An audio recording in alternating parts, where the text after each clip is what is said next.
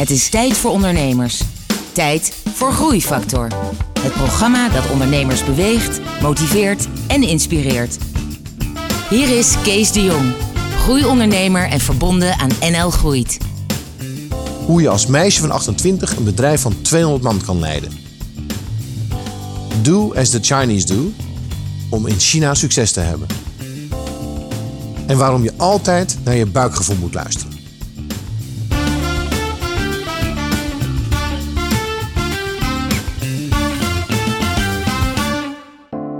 Hallo en welkom bij een nieuwe aflevering van Groeifactor. Het programma dat ondernemers beweegt, motiveert en inspireert. Met veel muziek en een openhartig gesprek met een inspirerende ondernemer. En in deze aflevering is dat Claudia van den Pol van de Apollo Groep. Claudia, welkom. Dankjewel. We gaan het hebben over je ondernemersloopbaan, je hoogtepunten, je dieptepunten en hoe je daarmee bent omgegaan. Daar hoor ik graag straks alles over. We beginnen de uitzending met muziek van Kielis, het nummer Hooch. Groeifactor beweegt ondernemers.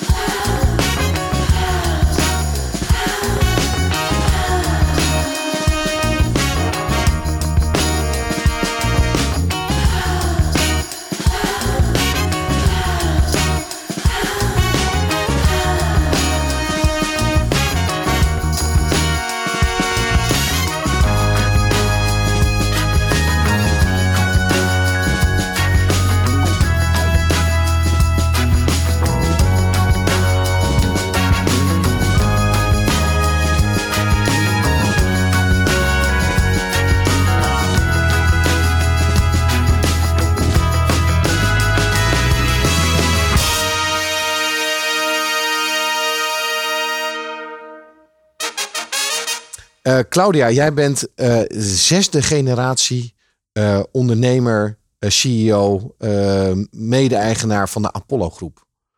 Nou, ik denk dat weinig mensen nog van de Apollo Groep hebben gehoord. Ja, dat zou heel goed kunnen. Ja. Ja, inderdaad. We zijn ook helemaal verstopt in het hoge noorden.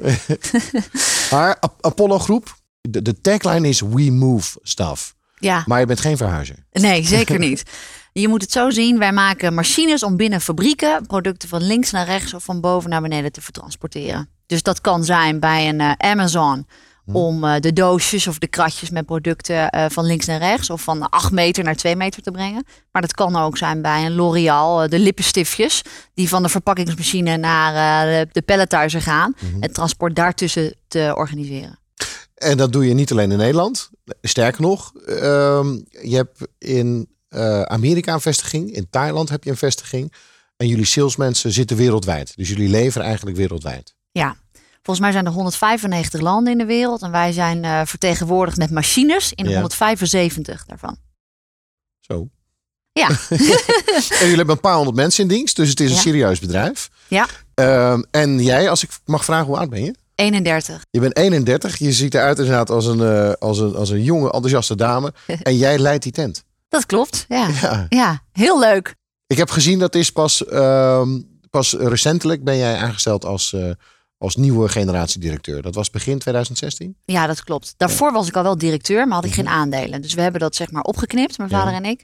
Eerst ehm, directeurschap, laten zien, eh, kan je het, kan je het waarmaken. En daarna ook aandelen overgekocht van mijn vader. Dus ik ben nu 100% aandeelhouder. Dus je was al eigenlijk de baas, maar nu ben je ook de baas. En je zit er eigenlijk voor je eigen rekening en risico eh, zit je erin. Ja. Ik vind dat wel indrukwekkend. Ja? Nou ja, ja, ik vind het indrukwekkend. Aan de andere kant, wat ook de luisteraars waarschijnlijk wel zullen weten, of, of zullen willen weten, dat is, het is een familiebedrijf. Hè? Dus jouw vader heeft het van zijn vader en zijn vader van zijn vader. En dat, dat is natuurlijk anders dan een normaal bedrijf, dat je gewoon helemaal zelf begint. Ja.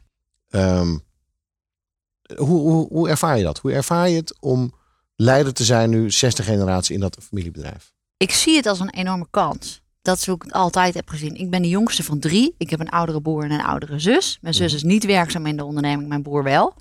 En hij heeft geen aandelen. Heel, hebben we heel bewust voor gekozen. Dus we hebben heel secuur in dat traject, dat overnametraject gekeken en ons laten coachen en helpen.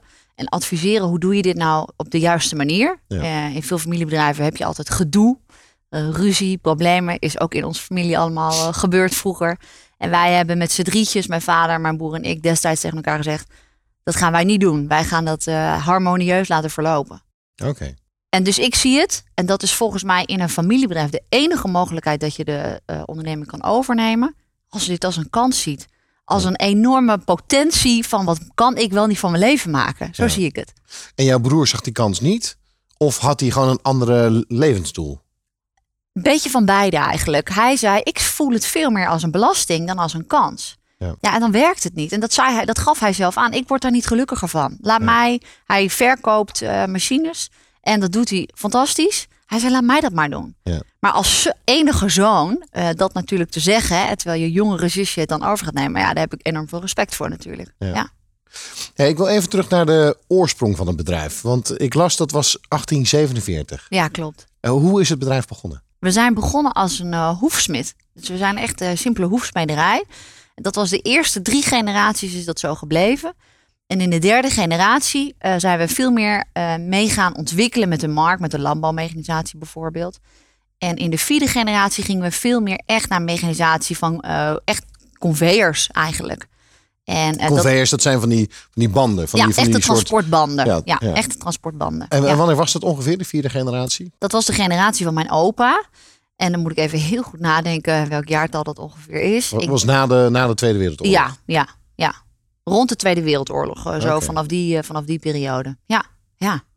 En dat was eigenlijk de belangrijkste strate- strategische verandering voor het bedrijf. Ik denk in de derde generatie is dat al geweest. Mhm. Want in de derde generatie, dus eh, de vader van mijn opa, om het eh, simpel te houden, eh, die overleed vrij jong. En toen was zijn vrouw, die stond toen al aan het roer. Dus ik ben eigenlijk de tweede vrouw. Maar zij was een onwijze onderneemster. Dus zij opende ook opeens een winkeltje in het dorp. En zij gingen ook opeens naar hallenbouw kijken. Dus zij zag echt potentie. Zij was echt een onderneemster in hart en nieren. Ja. En hoe heb jij dat thuis ervaren toen je, toen je klein was? Want alles ging natuurlijk om het bedrijf. Nee, helemaal niet. Nee? Nee, dat vinden heel veel mensen bijzonder. Nee, het was aan de ene kant ons vierde kind. En aan de andere kant ook een soort van stilgezwegen kind. Want mijn vader was gewoon aan het werk. En toen toen ik opgroeide, heb ik nooit heel erg bewust meegekregen dat het zo'n oud familiebedrijf was. Dus jij hebt dat op die manier niet meegekregen. Welke keuzes heb je gemaakt voor wat betreft je studie? Wat, wat wilde je doen? Nou, dat heb ik wel heel erg bewust op Apollo gedaan. Want ik was al, denk ik, 15 toen ik eh, op een eh, stage eh, binnen mocht kijken. Toen deed ik business school. En toen dacht ik, oké, ik mag hier nu kijken. Ik zie een kans. Op de een of andere manier had ik altijd feeling met de onderneming. Terwijl ik eigenlijk helemaal niet superveel er nog van wist. En eigenlijk helemaal niet technisch was op dat moment. En dus ik deed business school, wat natuurlijk heel erg marketing en bedrijfseconomisch is. En toen dacht ik, ja, maar als ik hier wat wil, dan moet ik techniek gaan snappen. Want ik lag, zag allemaal tekeningen liggen en daar snapte ik helemaal niks van.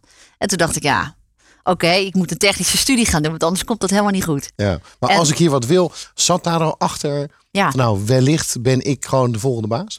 Toen ik 15 was Ja. en eigenlijk nog jonger, dacht ik al, ik wil een Apollo overnemen. Ja, en nu denk ik, ja, wat baseerde ik dat dan op? Ja. En vroeger, toen ik zeg maar, ik denk een jaar of 10, 11 was, ging ik met mijn vader wel eens mee naar de zaak. En dan wat ik het leukst vond, was dat we warme chocolademelk gingen drinken samen op zijn kantoor. Dus waar ligt, ja, het was gewoon een gevoel. Het was een, een, soort van onder, heel sterk onderbuikgevoel. En toen ik dus stages ging lopen en steeds meer over de onderneming eh, leerde, eh, toen werd dat alleen maar sterker. En toevallig vond ik eh, van de week een verslag wat ik heb geschreven toen ik 15 was, na aanleiding van die stage. En daar stond al in heel duidelijk: ehm, de onderneming moet als een geoliede machine zijn. Alles moet met elkaar kloppen. Alle afdelingen moeten met elkaar eh, communiceren. eh, mensen zijn belangrijk. Toen dacht ik, jemig, toen was ik dus 15.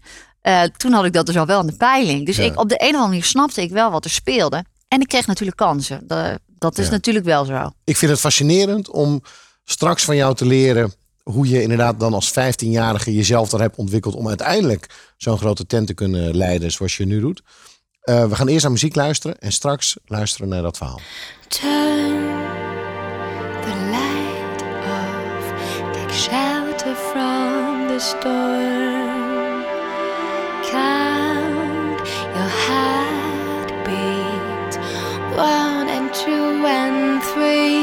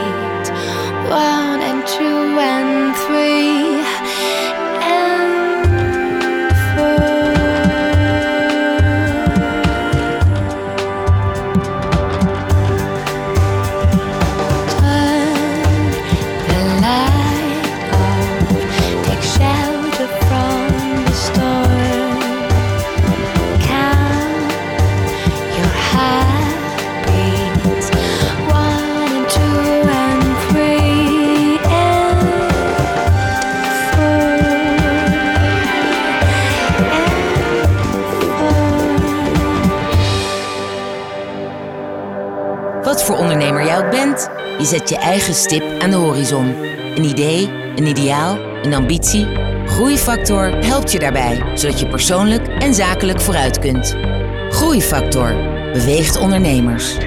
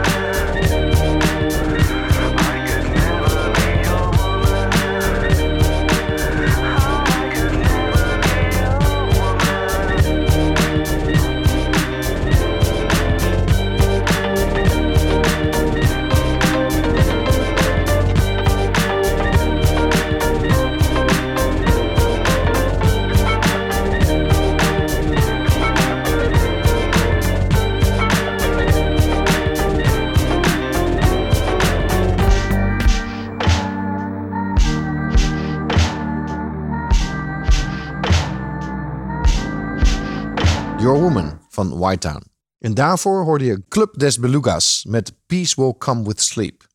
Ik ben in gesprek met Claudia van den Pol van de Apollo Groep.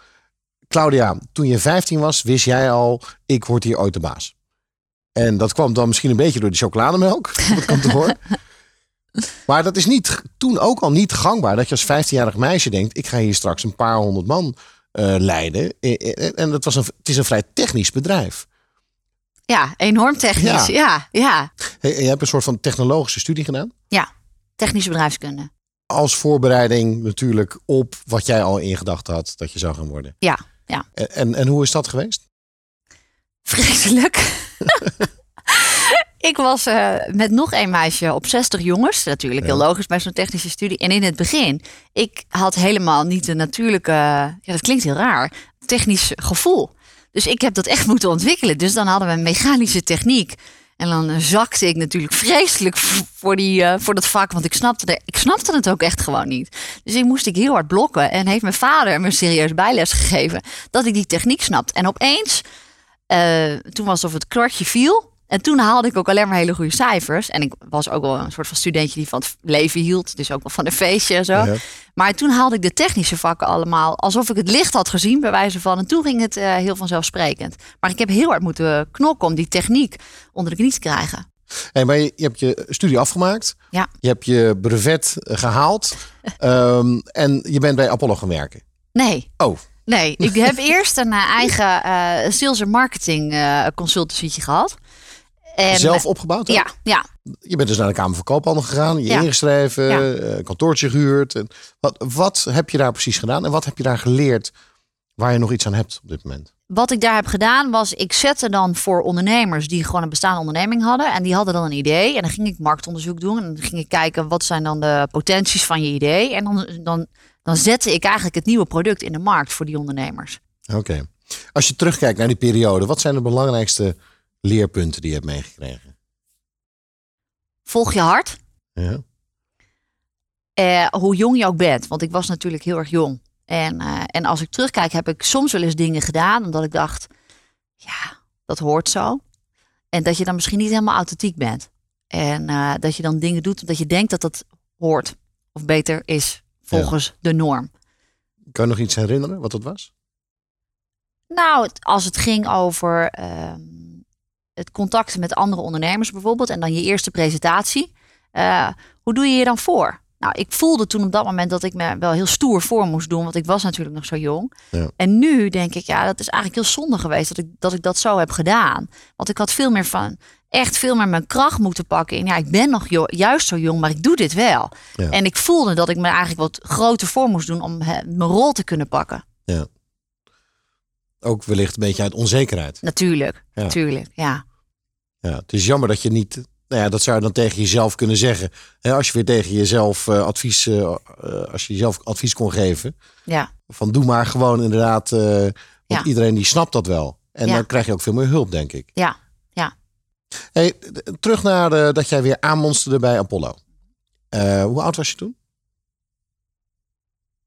Ik dacht 24. Is al een paar jaar ervaring, studie gedaan. Eh, waar ben je bij begonnen? Bij, eh, bij Op de marketingafdeling. Ik heb heel veel verschillende rollen gehad in de onderneming. Ik ben begonnen op marketing. Mhm. Want wij zijn, of wij waren, moet ik zeggen, wij waren eh, echt een machinefabriek. Helemaal niet bezig met marketing en wel een beetje bezig met sales, maar niet volgens echt een strategie.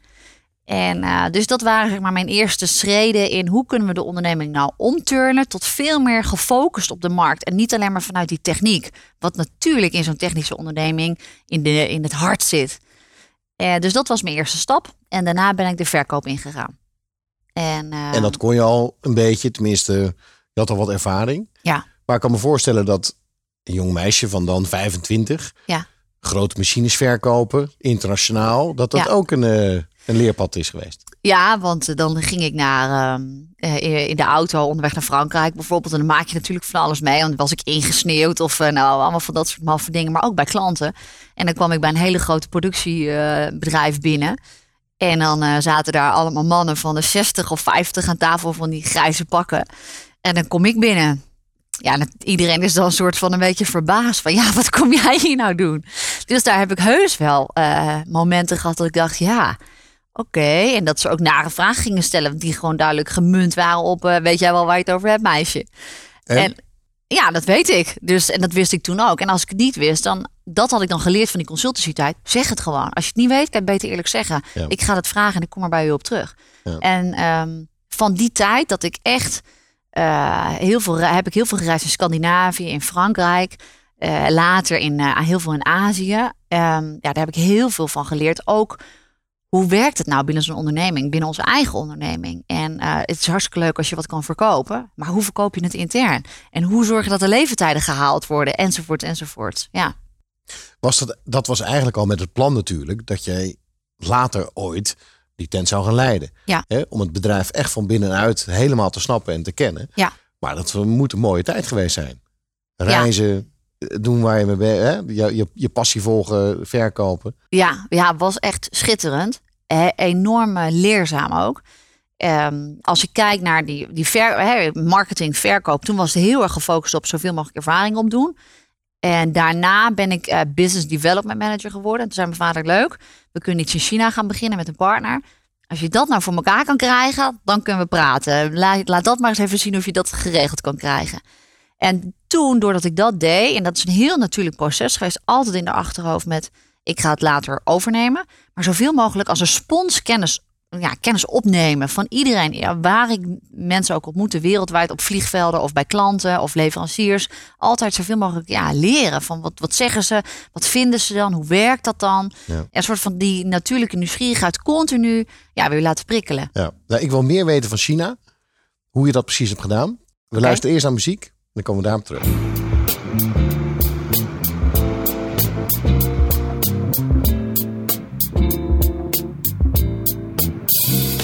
Hey, Slide. Hey, what's going on, Dang? Not too much, brother. How you doing? I guess I'm doing okay. And there's no Jack over there. Hey, man, what's going on? Hey, what's happening, Jack? Hey, where you been? Long way, brother. Long way, huh? Matter of fact, I just got back from the winning seat myself today. Oh, wow, man. The winning seat? The winning seat. Oh, you know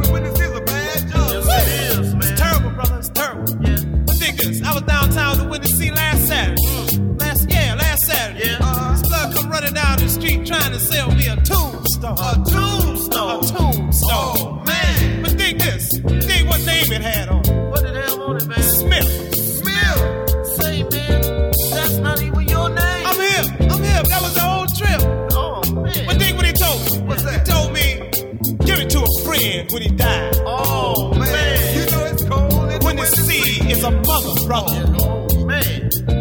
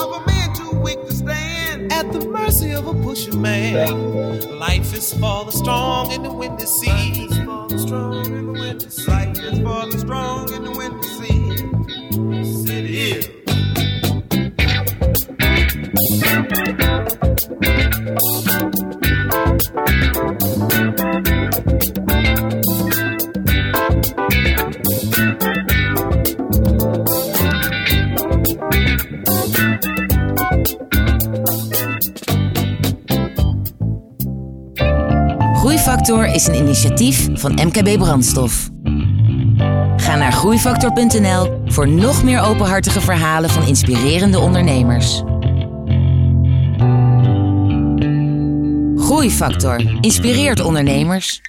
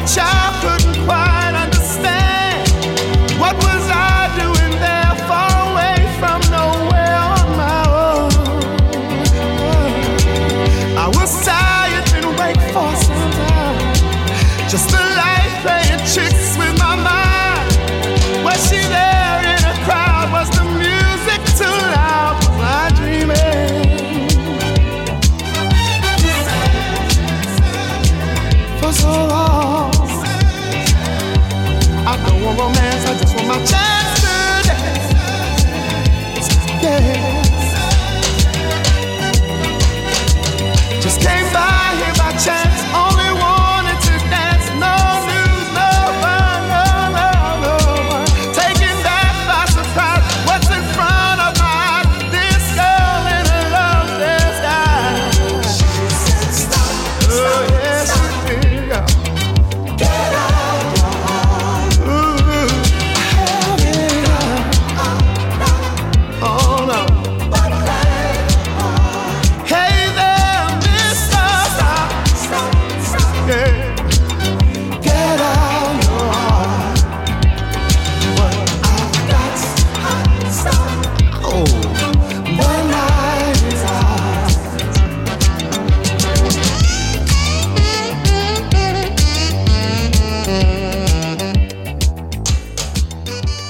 Je luistert naar Change met het nummer Search In. Claudia, dit is ook een eh, programma over muziek. Heb jij iets met muziek? Ik heb heel veel met muziek. Ja, ja heel ook, ook belangrijk. in jouw ondernemersloopbaan bestaan. Nou, ja, het is nou niet dat ik eh, in de kantine ga zeggen... joh, laten we met elkaar naar een liedje gaan luisteren. Maar wel, wel voor mezelf, ja. Ik reis heel veel. Ik ben 50% van mijn tijd eh, aan het reizen. En dan is muziek enorm belangrijk. Ook om mezelf nou, rustig te maken bijvoorbeeld. Ja. Of even terug naar de Dus kern te komen. met zo'n chic boze koptelefoontje in ja. de, het vliegtuig. Ja, ja, ja, ja, zo helemaal, eh, hoe noem je dat, quiet, eh, weet je, dat noise- je niks, noise cancelling. noise cancelling, ja, dat je niks meer om je heen hoort. En waar luister je dan naar? Dat verschilt enorm. Dat kan bij wijze van zijn van Marco Borsato tot, ehm, eh, nou, tot pianomuziek. Eh, en van Andrea Bocelli tot de top 40. Dus echt, dat ligt aan wat ga ik doen? Hoe voel ik me? Waar ben ik nou onderweg? Soms dan doe ik ook even een soort van een power nummertje. eh, als ik dan een beetje moe ben van het reizen. En ik moet nog wel even een dagje doortrekken. Dan Ja. doe ik even een powerliedje op. En wat is dan een powernummertje? Hebben die... eh, Oh god, dan vraag je me wat. Wat is een powernummertje? Nou, ik kan er niet zo op eentje komen. Want het verschilt ook weer. Ik, het- ik heb van die fases. Dus dan, eh, nu zit ik in een fase. Dan lu- luister ik heel graag naar ehm, eh, de pianomuziek. Die dan, eh, wat dus alleen een, soort van orkest is. Maar dan wel een beetje up tempo. Maar daar wordt er niet bij gezongen. Uh, en, eh, maar ik kan ook een fase waar luister ik alleen maar naar Marco Borsato. Dus dat verschilt. Ja, oké. Eh, Marco Bassato past niet in het Nee. frame van dit, eh, van dit programma. Eh, maar we hebben je gevraagd om na te denken eh, wat je dan eh, zou willen laten luisteren. Wat, wat, wat heb je uitgekozen? De Breno Vista Social Club. Oké. Heel Ja. relaxed. Heb je nog een speciaal nummer? Of? Nee, nee, niet een specie- specifiek nummer. Eh, Over het algemeen. Het is de sfeer die die muziek met zich meebrengt. Dat is wat ik zo leuk vind bij hen. Ja. Ja, ja. Met die mooie trompet op de achtergrond. ja. en je krijgt er zo, tenminste, ik krijg er direct zo'n heel relaxed eh, gevoel van in het, zodra ik het hoor. Dat is bij mij een soort van, eh, nou ja, iets wat is blijven hangen. Ja. En daarna dan kan ik heel makkelijk op die liedjes in een soort van inspiratiemodus komen. Oké. Nou, we gaan er naar luisteren. Buena Vista Social Club.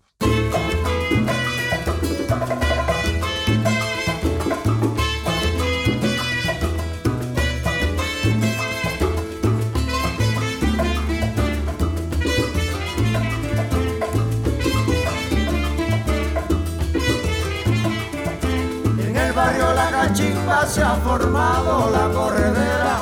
En el barrio La Cachimba se ha formado la corredera. Campanas, sus sirenas. Allí fueron los bomberos con sus campanas, sus sirenas. Ay, mamá, ¿qué pasó? Ay, mamá,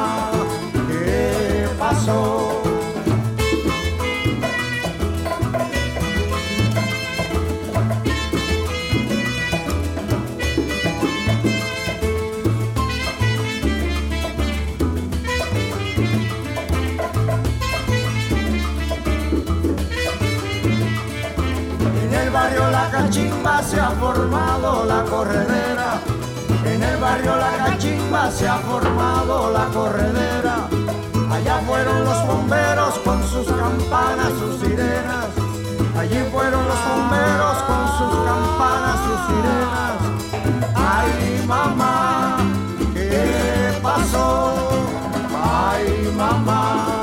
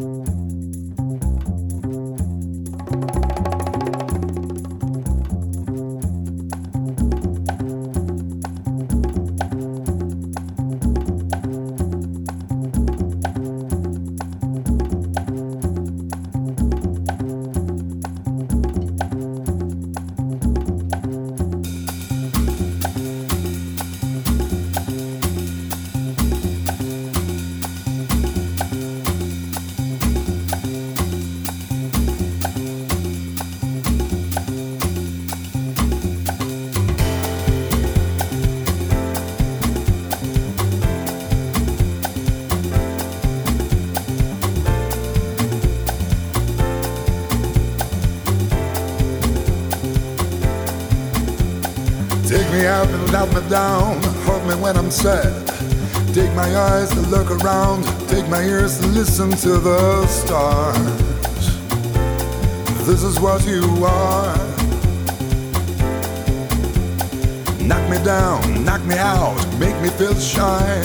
But when you hold me in your arms, I could just forget the tears I cried.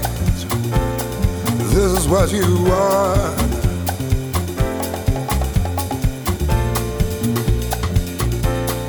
This is what you are. Write your number on my wall. Say you gotta do. Carve your shadow on my soul. Even when you break my heart in two. This is what you are. Light on. This is what you are.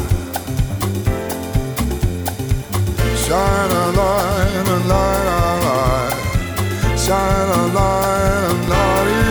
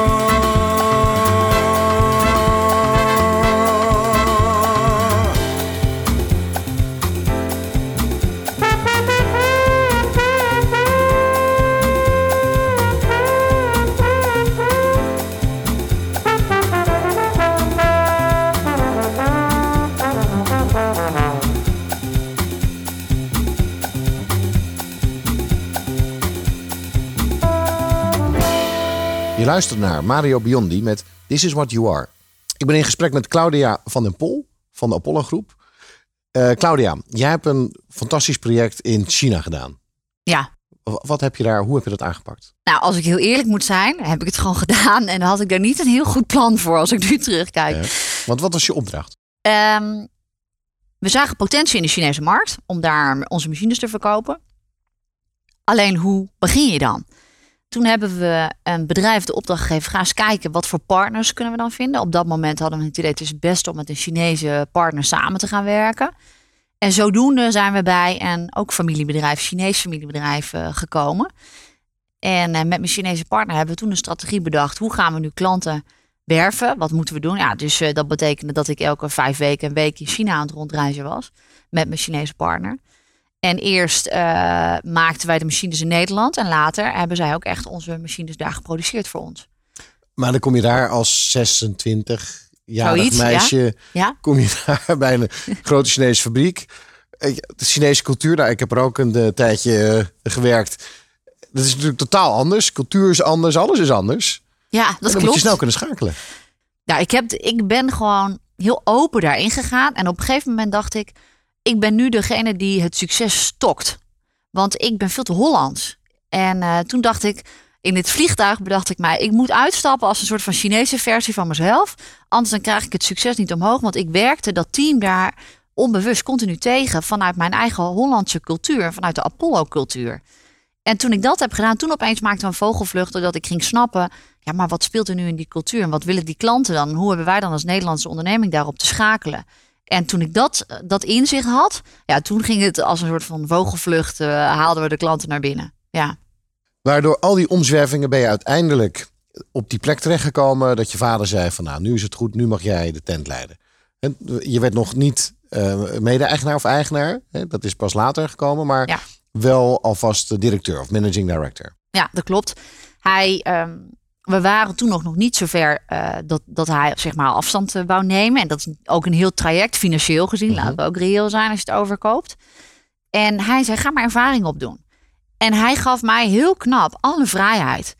Het is jou, straks jouw toko. Bepaal de strategie, zet het uit. Wat voor investeringen wil je doen? Alleen het grote verschil was toen ten opzichte van nu. Ik voelde altijd natuurlijk de eh, verantwoording naar hem toe als ik wou investeren of als Ja. ik wel dingen wou doen, om dat met hem te overleggen, want dat was uiteindelijk zijn geld. En, eh, en zo kon ik, wij zijn ook samen kantoor gaan delen in die tijd.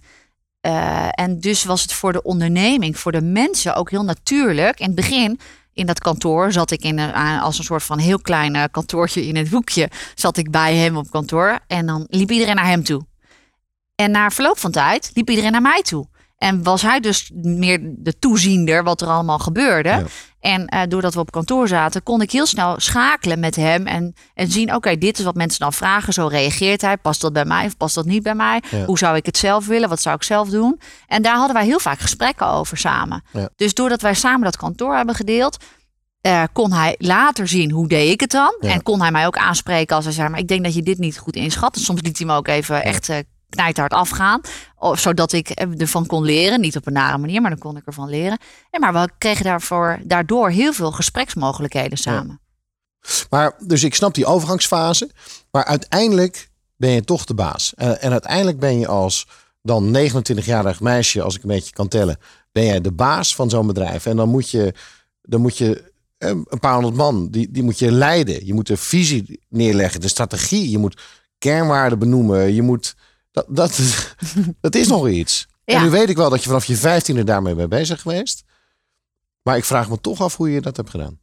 Ja, door een, gewoon door onwijs nieuwsgierig te zijn.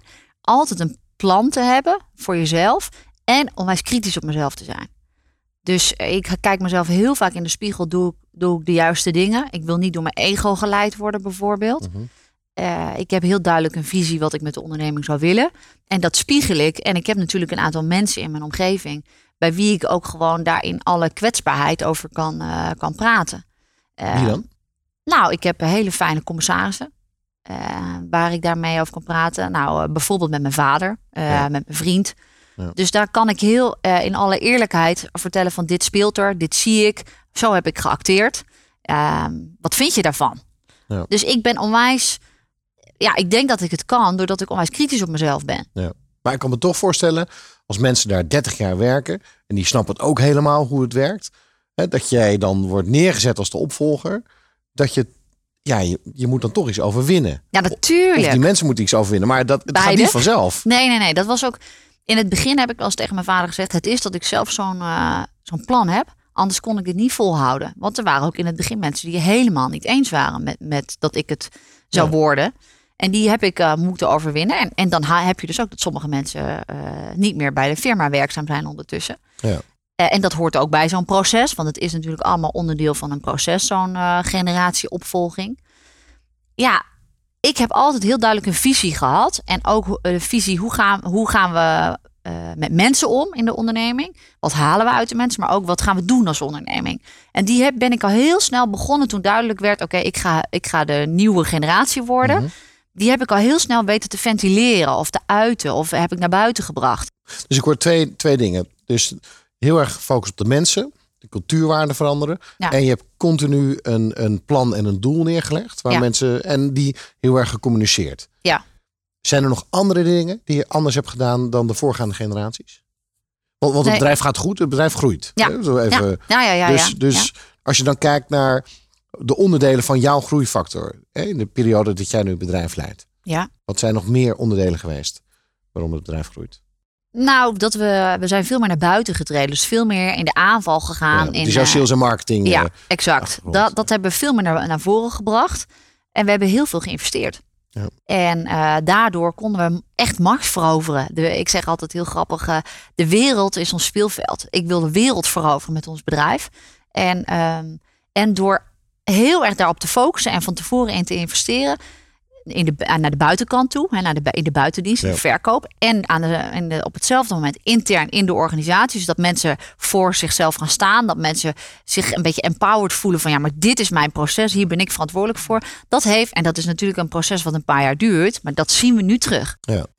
Ehm, straks praten we verder. Maar eerst muziek van Rufus met Sundream.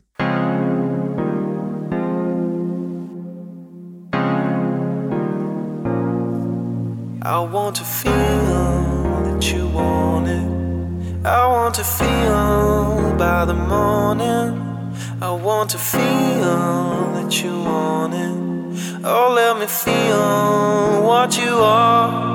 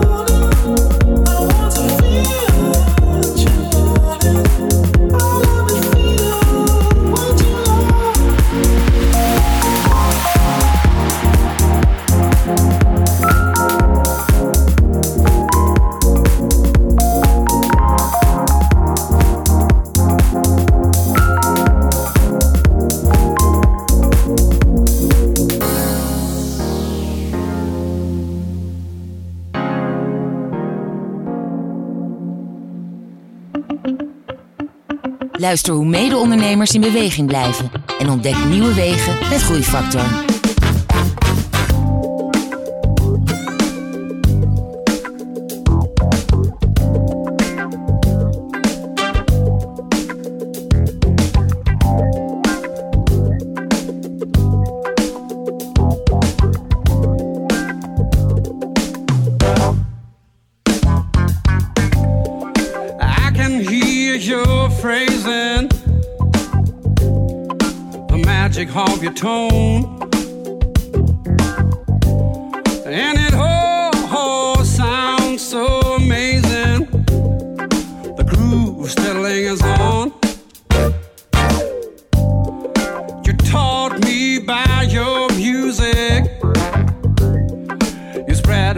The blues.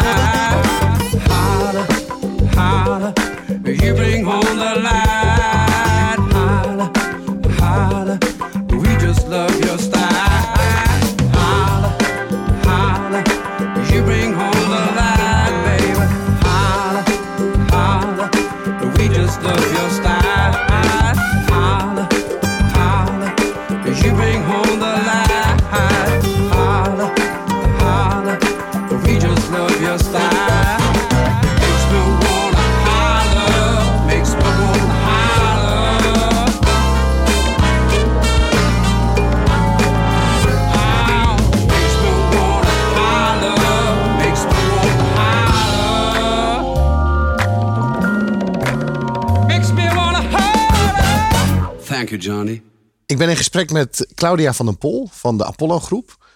Claudia, als ik jou zo hoor, dan zijn alle dingen die nodig zijn om een bedrijf te laten groeien, die pas je toe. Dus, Oh ja. dus focus op mensen, de cultuurwaarden, plannen heel duidelijk communiceren, het neerzetten van een heel ambitieus doel, groter denken, wat, wat als een magneet werkt voor de rest. Is dit allemaal toeval of heb je dit ergens geleerd? Hoe, hoe komt het dat jij precies die dingen doet die goed zijn om een bedrijf te laten groeien? Ja, ik denk intuïtie. Ja, dat- ja ik, tuurlijk, ik, le eh, ik lees eigenlijk veel te weinig, als ik heel eerlijk ben. Ik zou Ja. meer moeten lezen. Ja. Ik doe heel veel op, eh, op mijn onderbuikgevoel en op mijn gezonde boerenverstand. En door ook veel, ik ben heel, nog steeds heel nieuwsgierig. Dus ik praat heel graag met eh, andere ondernemers. En Ja. durf dan ook gewoon heel veel dingen te vragen. En van die cultuurwaarde, dat ik dat zou moest veranderen. Toen ik zoveel in Azië reisde, had ik de luxe om heel veel mensen te ontmoeten. En ik ontmoette mensen van, van, van Disney, van Nike, van Apple. En die waren allemaal zo trots dat ze bij die organisaties mochten Ja. werken. En toen dacht ik, nou, volgens mij is niemand trots dat ze bij Apollo mogen werken als je die in een hotelbar meet. toen dacht ik, wat moet ik nou doen? Dat als bij wijze van iemand een van mijn mensen ontmoet, dat die denkt, wauw, wat een leuke Ja. club om daar te werken. Ja. En daar ben ik me toen in gaan verdiepen. Dus zo, ja, het is die nieuwsgierigheid. Wat en grappig. dan, dus ja, je hebt je kennis gehaald uit de internationale hotelbars in, bij eh, wijze van. over Ja. de hele wereld. Ja, ja. Wat grappig. Nou, dit klinkt allemaal wel heel blij en positief. Maar natuurlijk zal het niet altijd zo makkelijk geweest zijn. Je zal ook Nee. dieptepunten hebben gedaan. Of momenten dat je dacht van nou, ik stop ermee. ja, absoluut. Vertel. Nou ja, als je groeit en je bent ambitieus, eh, dan maak je soms ook wel eens eh, een verkeerde keuze. Het zijn je mensen eh, en dan haal je, denk je dat je hele goede mensen naar binnen haalt, die mensen ook heel goed samen, maar die helemaal niet passen bijvoorbeeld, waardoor in de organisatie echt wel een probleem eh, zelf gecreëerd hebt, want je hebt zo iemand zelf naar binnen gehaald. Ja. Eh, of mensen die eh, bijvoorbeeld niet eerlijk zijn geweest. Die, als je zo'n cultuurwijziging doorbrengt, dat betekent dat je ook heel veel vanuit vertrouwen moet doen. Je moet duidelijke kaders brengen, maar ook vanuit vertrouwen helemaal in die eerste stappen. Nou, daar ben ik echt wel een heel aantal keren op de koffie gekomen, dat dat vertrouwen heel erg beschaamd is. En dat is voor mij veel erger dan ehm, wanneer ik zie dat iets misschien minder, een, een nieuwe machine-introductie minder succesvol is dan wat ik had gedacht. Want dat kan ik altijd heel makkelijk eh, relativeren van ja, oké, maar we hebben de machine wel in een paar maanden naar buiten kunnen brengen. Ja, en dan kom je soms tegen bepaalde hiccups bijvoorbeeld. Ja. Eh, maar als ik, als ik echt kijk naar mijn dieptepunten, gaat dat heel erg over mensen. Ja. En over dat het proces, ja, als je groeit in een machinebouwbedrijf zoals wij eigenlijk gewoon echt zijn, en je groeit over de hele wereld, dan krijg je groeipijnen. Dat het proces even stok loopt. Of dat, het, eh, dat je merkt, hé, hey, we hebben problemen. En wat was dan de ergste pijn? Nou, dat het proces niet meer soepel liep. En dat we aanpassingen te doen hadden aan het proces en aan de verschillende eh, verantwoordelijkheden van verschillende mensen. Om te zorgen dat iedereen zijn eigen verantwoordelijkheid weer pakte. En vervolgens het proces weer doorliep. Dus op het moment dat de orde naar binnen gehaald werd. Dat ook daadwerkelijk de leeftijd gehaald kan worden. Omdat we zo grote order intake hadden. En niet dat er alleen maar overuren gemaakt moeten Maar worden. uiteindelijk ging dat om mensen. Wat ging er dan fout bij de keuze van die mensen? Nou, ik denk het zoeken naar wel, wie past nou echt. Ik noem het altijd, we hebben Apollo DNA. En daar hebben we een aantal competenties voor samengesteld. En eh, die had ik onvoldoende op dat moment voor mezelf helder, als ik terugkijk. Ja. En dan doe je eh, dingen omdat je denkt, oké, ik hoor een verhaal aan. En dan heb je misschien soms wel een beetje twijfels. Maar dan denk ik, ja, het moet wel. Dit moet eigenlijk pas. Het plaatje klopt. Misschien je onderbuikgevoel niet helemaal, maar het plaatje klopt wel. En dat is dan wel het lastigste voor mij geweest. En dat ook momenten dat ik dacht, jemig, waar ben ik mee bezig? Of dat ik aan mezelf ging twijfelen van ja, hartstikke leuk dat ik zoveel wijzigingen breng. Maar wie ben ik nou? Claudia van der Pol van 30. Wel Nou, op dat vind moment. ik wel heel fijn om dat te, te horen. Want Ja. je komt zo zelfverzekerd over. Oh nee joh. Je komt zo, nee, maar je komt zo alsof je precies weet wat je doet. En ik ben daar heel verbaasd over. Want ik weet nog de eerste tien jaar van mijn ondernemersleven. ik wist niet zo goed. Ja, we deden het wel. We waren ook enthousiast. Maar op die momenten van zelfreflectie. Dat je niet, dat je dacht, eh, ja, ik weet eigenlijk ook niet wat ik doe. Wat moet ik doen? Wat deed je toen? Hoe ging je daarmee om? Nou, dan ga ik ten eerste altijd bij mezelf te raden. Dus eh, dan neem ik even een momentje van ademen voor mezelf. En dan breng ik even in kaart van eh, waar, wat maakt dat ik nu zo twijfel. En eh, dat is een soort van intern gesprek dat ik dan met mezelf heb. En dan zoek ik toch wel mensen op in mijn omgeving om daarmee te sparren. Ja. Want dit is, wat er, dit is wat er gebeurt. En ehm, nou, nog niet zo heel lang geleden had ik het idee van ja, ik heb begin dit jaar hebben we een nieuwe fabriek in Thailand geopend.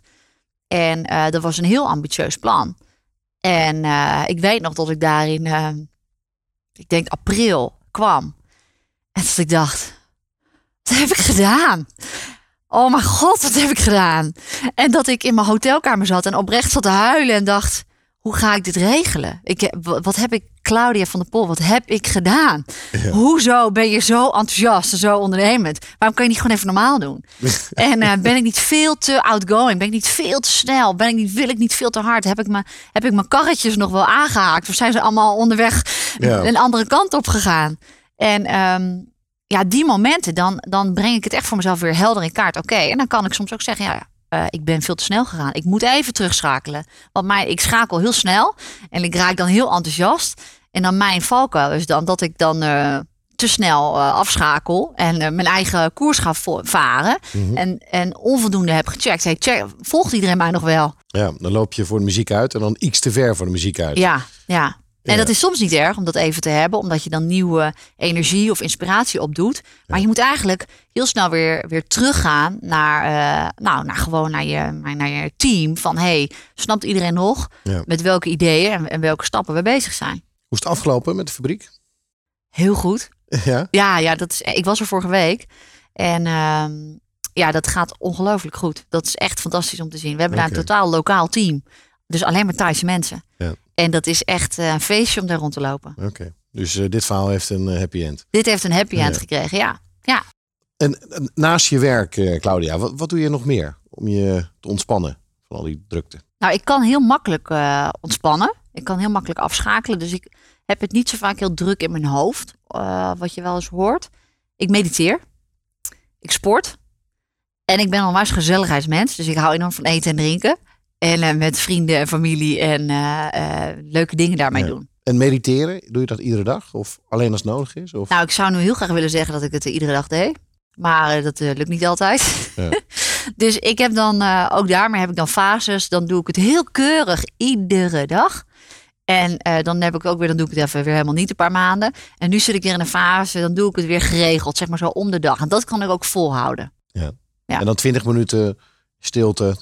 Nee, ik doe altijd eh, begeleide meditaties. Dus Ja. ik luister altijd naar, naar iemand die iets vertelt. En op verschillende onderwerpen waar ik op dat moment behoefte aan heb.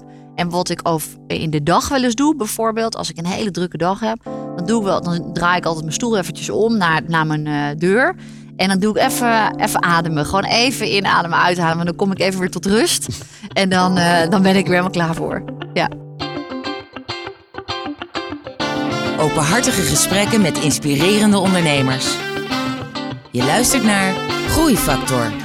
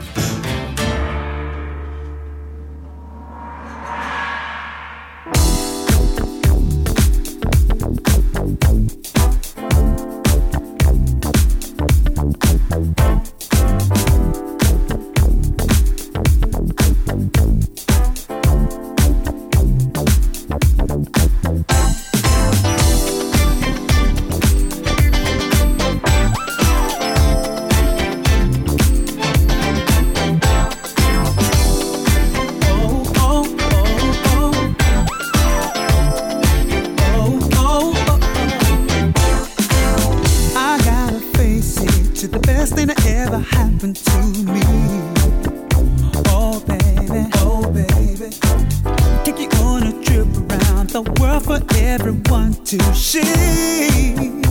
Oh yeah, oh yeah, oh yeah. I like your style, you classy, so funny, the one that I would like to spend my life with. But I got to leave tomorrow, but only temporary. So there's one thing you should know. I'll be back for more.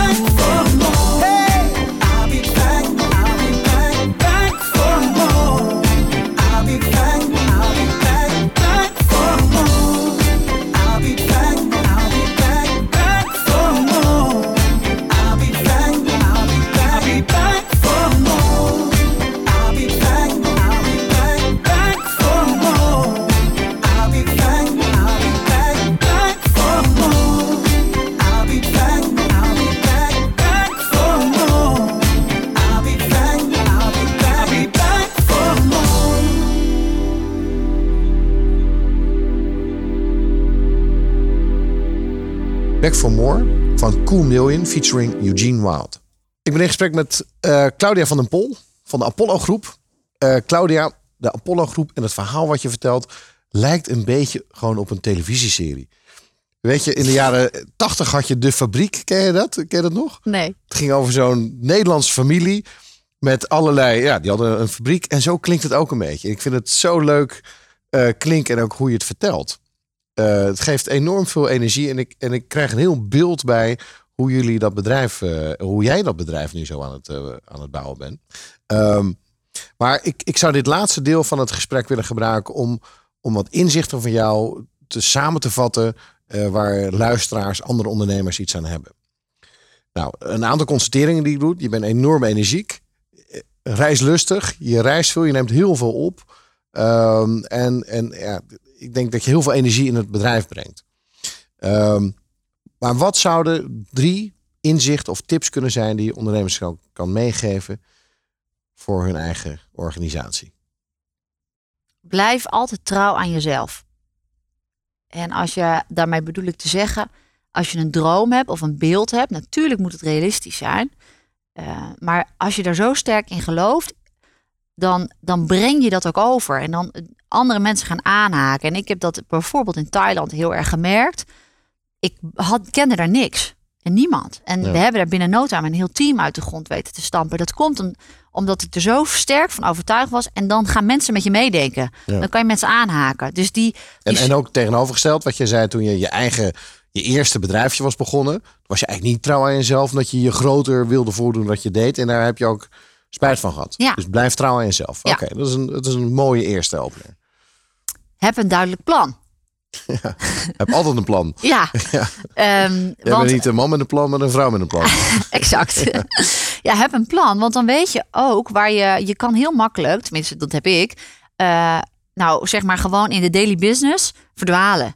En dan ga je misschien bezighouden met dingen... wat eigenlijk helemaal niet bijdraagt aan je daadwerkelijke einddoel. En soms moet je even een klein weggetje nemen... en dan moet je eventjes op dat kleine parkeerplaatsje gaan staan... en even allerlei dingen doen. Maar dan moet je heel snel weer invoegen op die snelweg... om terug Ja. naar je plan te gaan. Eh, want anders denk ik dat het veel langer duurt om je doelen te bereiken. Eh, en als je, ja, als je überhaupt geen plannen hebt, wat zijn, wat zijn dan ook je doelen? Ja. Eh, maar dat is dan persoonlijk voor mij heel belangrijk. En als derde, ja, zorg dat je goede mensen om je heen hebt die je kan vertrouwen. En dat is voor mij wel een sleutelwoord, vertrouwen. Want ik, eh, het is nu heel leuk dat ik geïnterviewd word, maar eh, dat we groeien en succesvol zijn, dat heeft alles te maken met dat ik een enorm fantastisch team met mensen eh, voor mij Ja. heb werken. Al die 200 mensen, ieder vanuit zijn eigen specialisatie. En denk dus niet dat je het in je eentje kan, want je kan het niet alleen. We zijn helaas aan het einde van dit gesprek, Claudia. Jammer. Ik, ik wil je enorm danken voor, voor dit interview. En ik ben inderdaad onder de indruk van een 31-jarig meisje uit, uit Koevoorde... die zo'n wereldbedrijf runt. En naar mijn gevoel nog veel groter gaat maken dan dat het is. Eh, met name omdat je intuïtief precies alle dingen doet die nodig zijn om een bedrijf te laten groeien. Dus daar heb ik enorm veel eh, respect voor. En ik vond het echt een superleuk gesprek. Dankjewel, ik ook. Dankjewel. Voor de luisteraars, je luisterde naar Groeifactor. Graag tot een volgende uitzending van Groeifactor. Groeifactor is een initiatief van MKB Brandstof. Ga naar groeifactor.nl voor nog meer inspirerende verhalen van mede-ondernemers. Groeifactor beweegt ondernemers.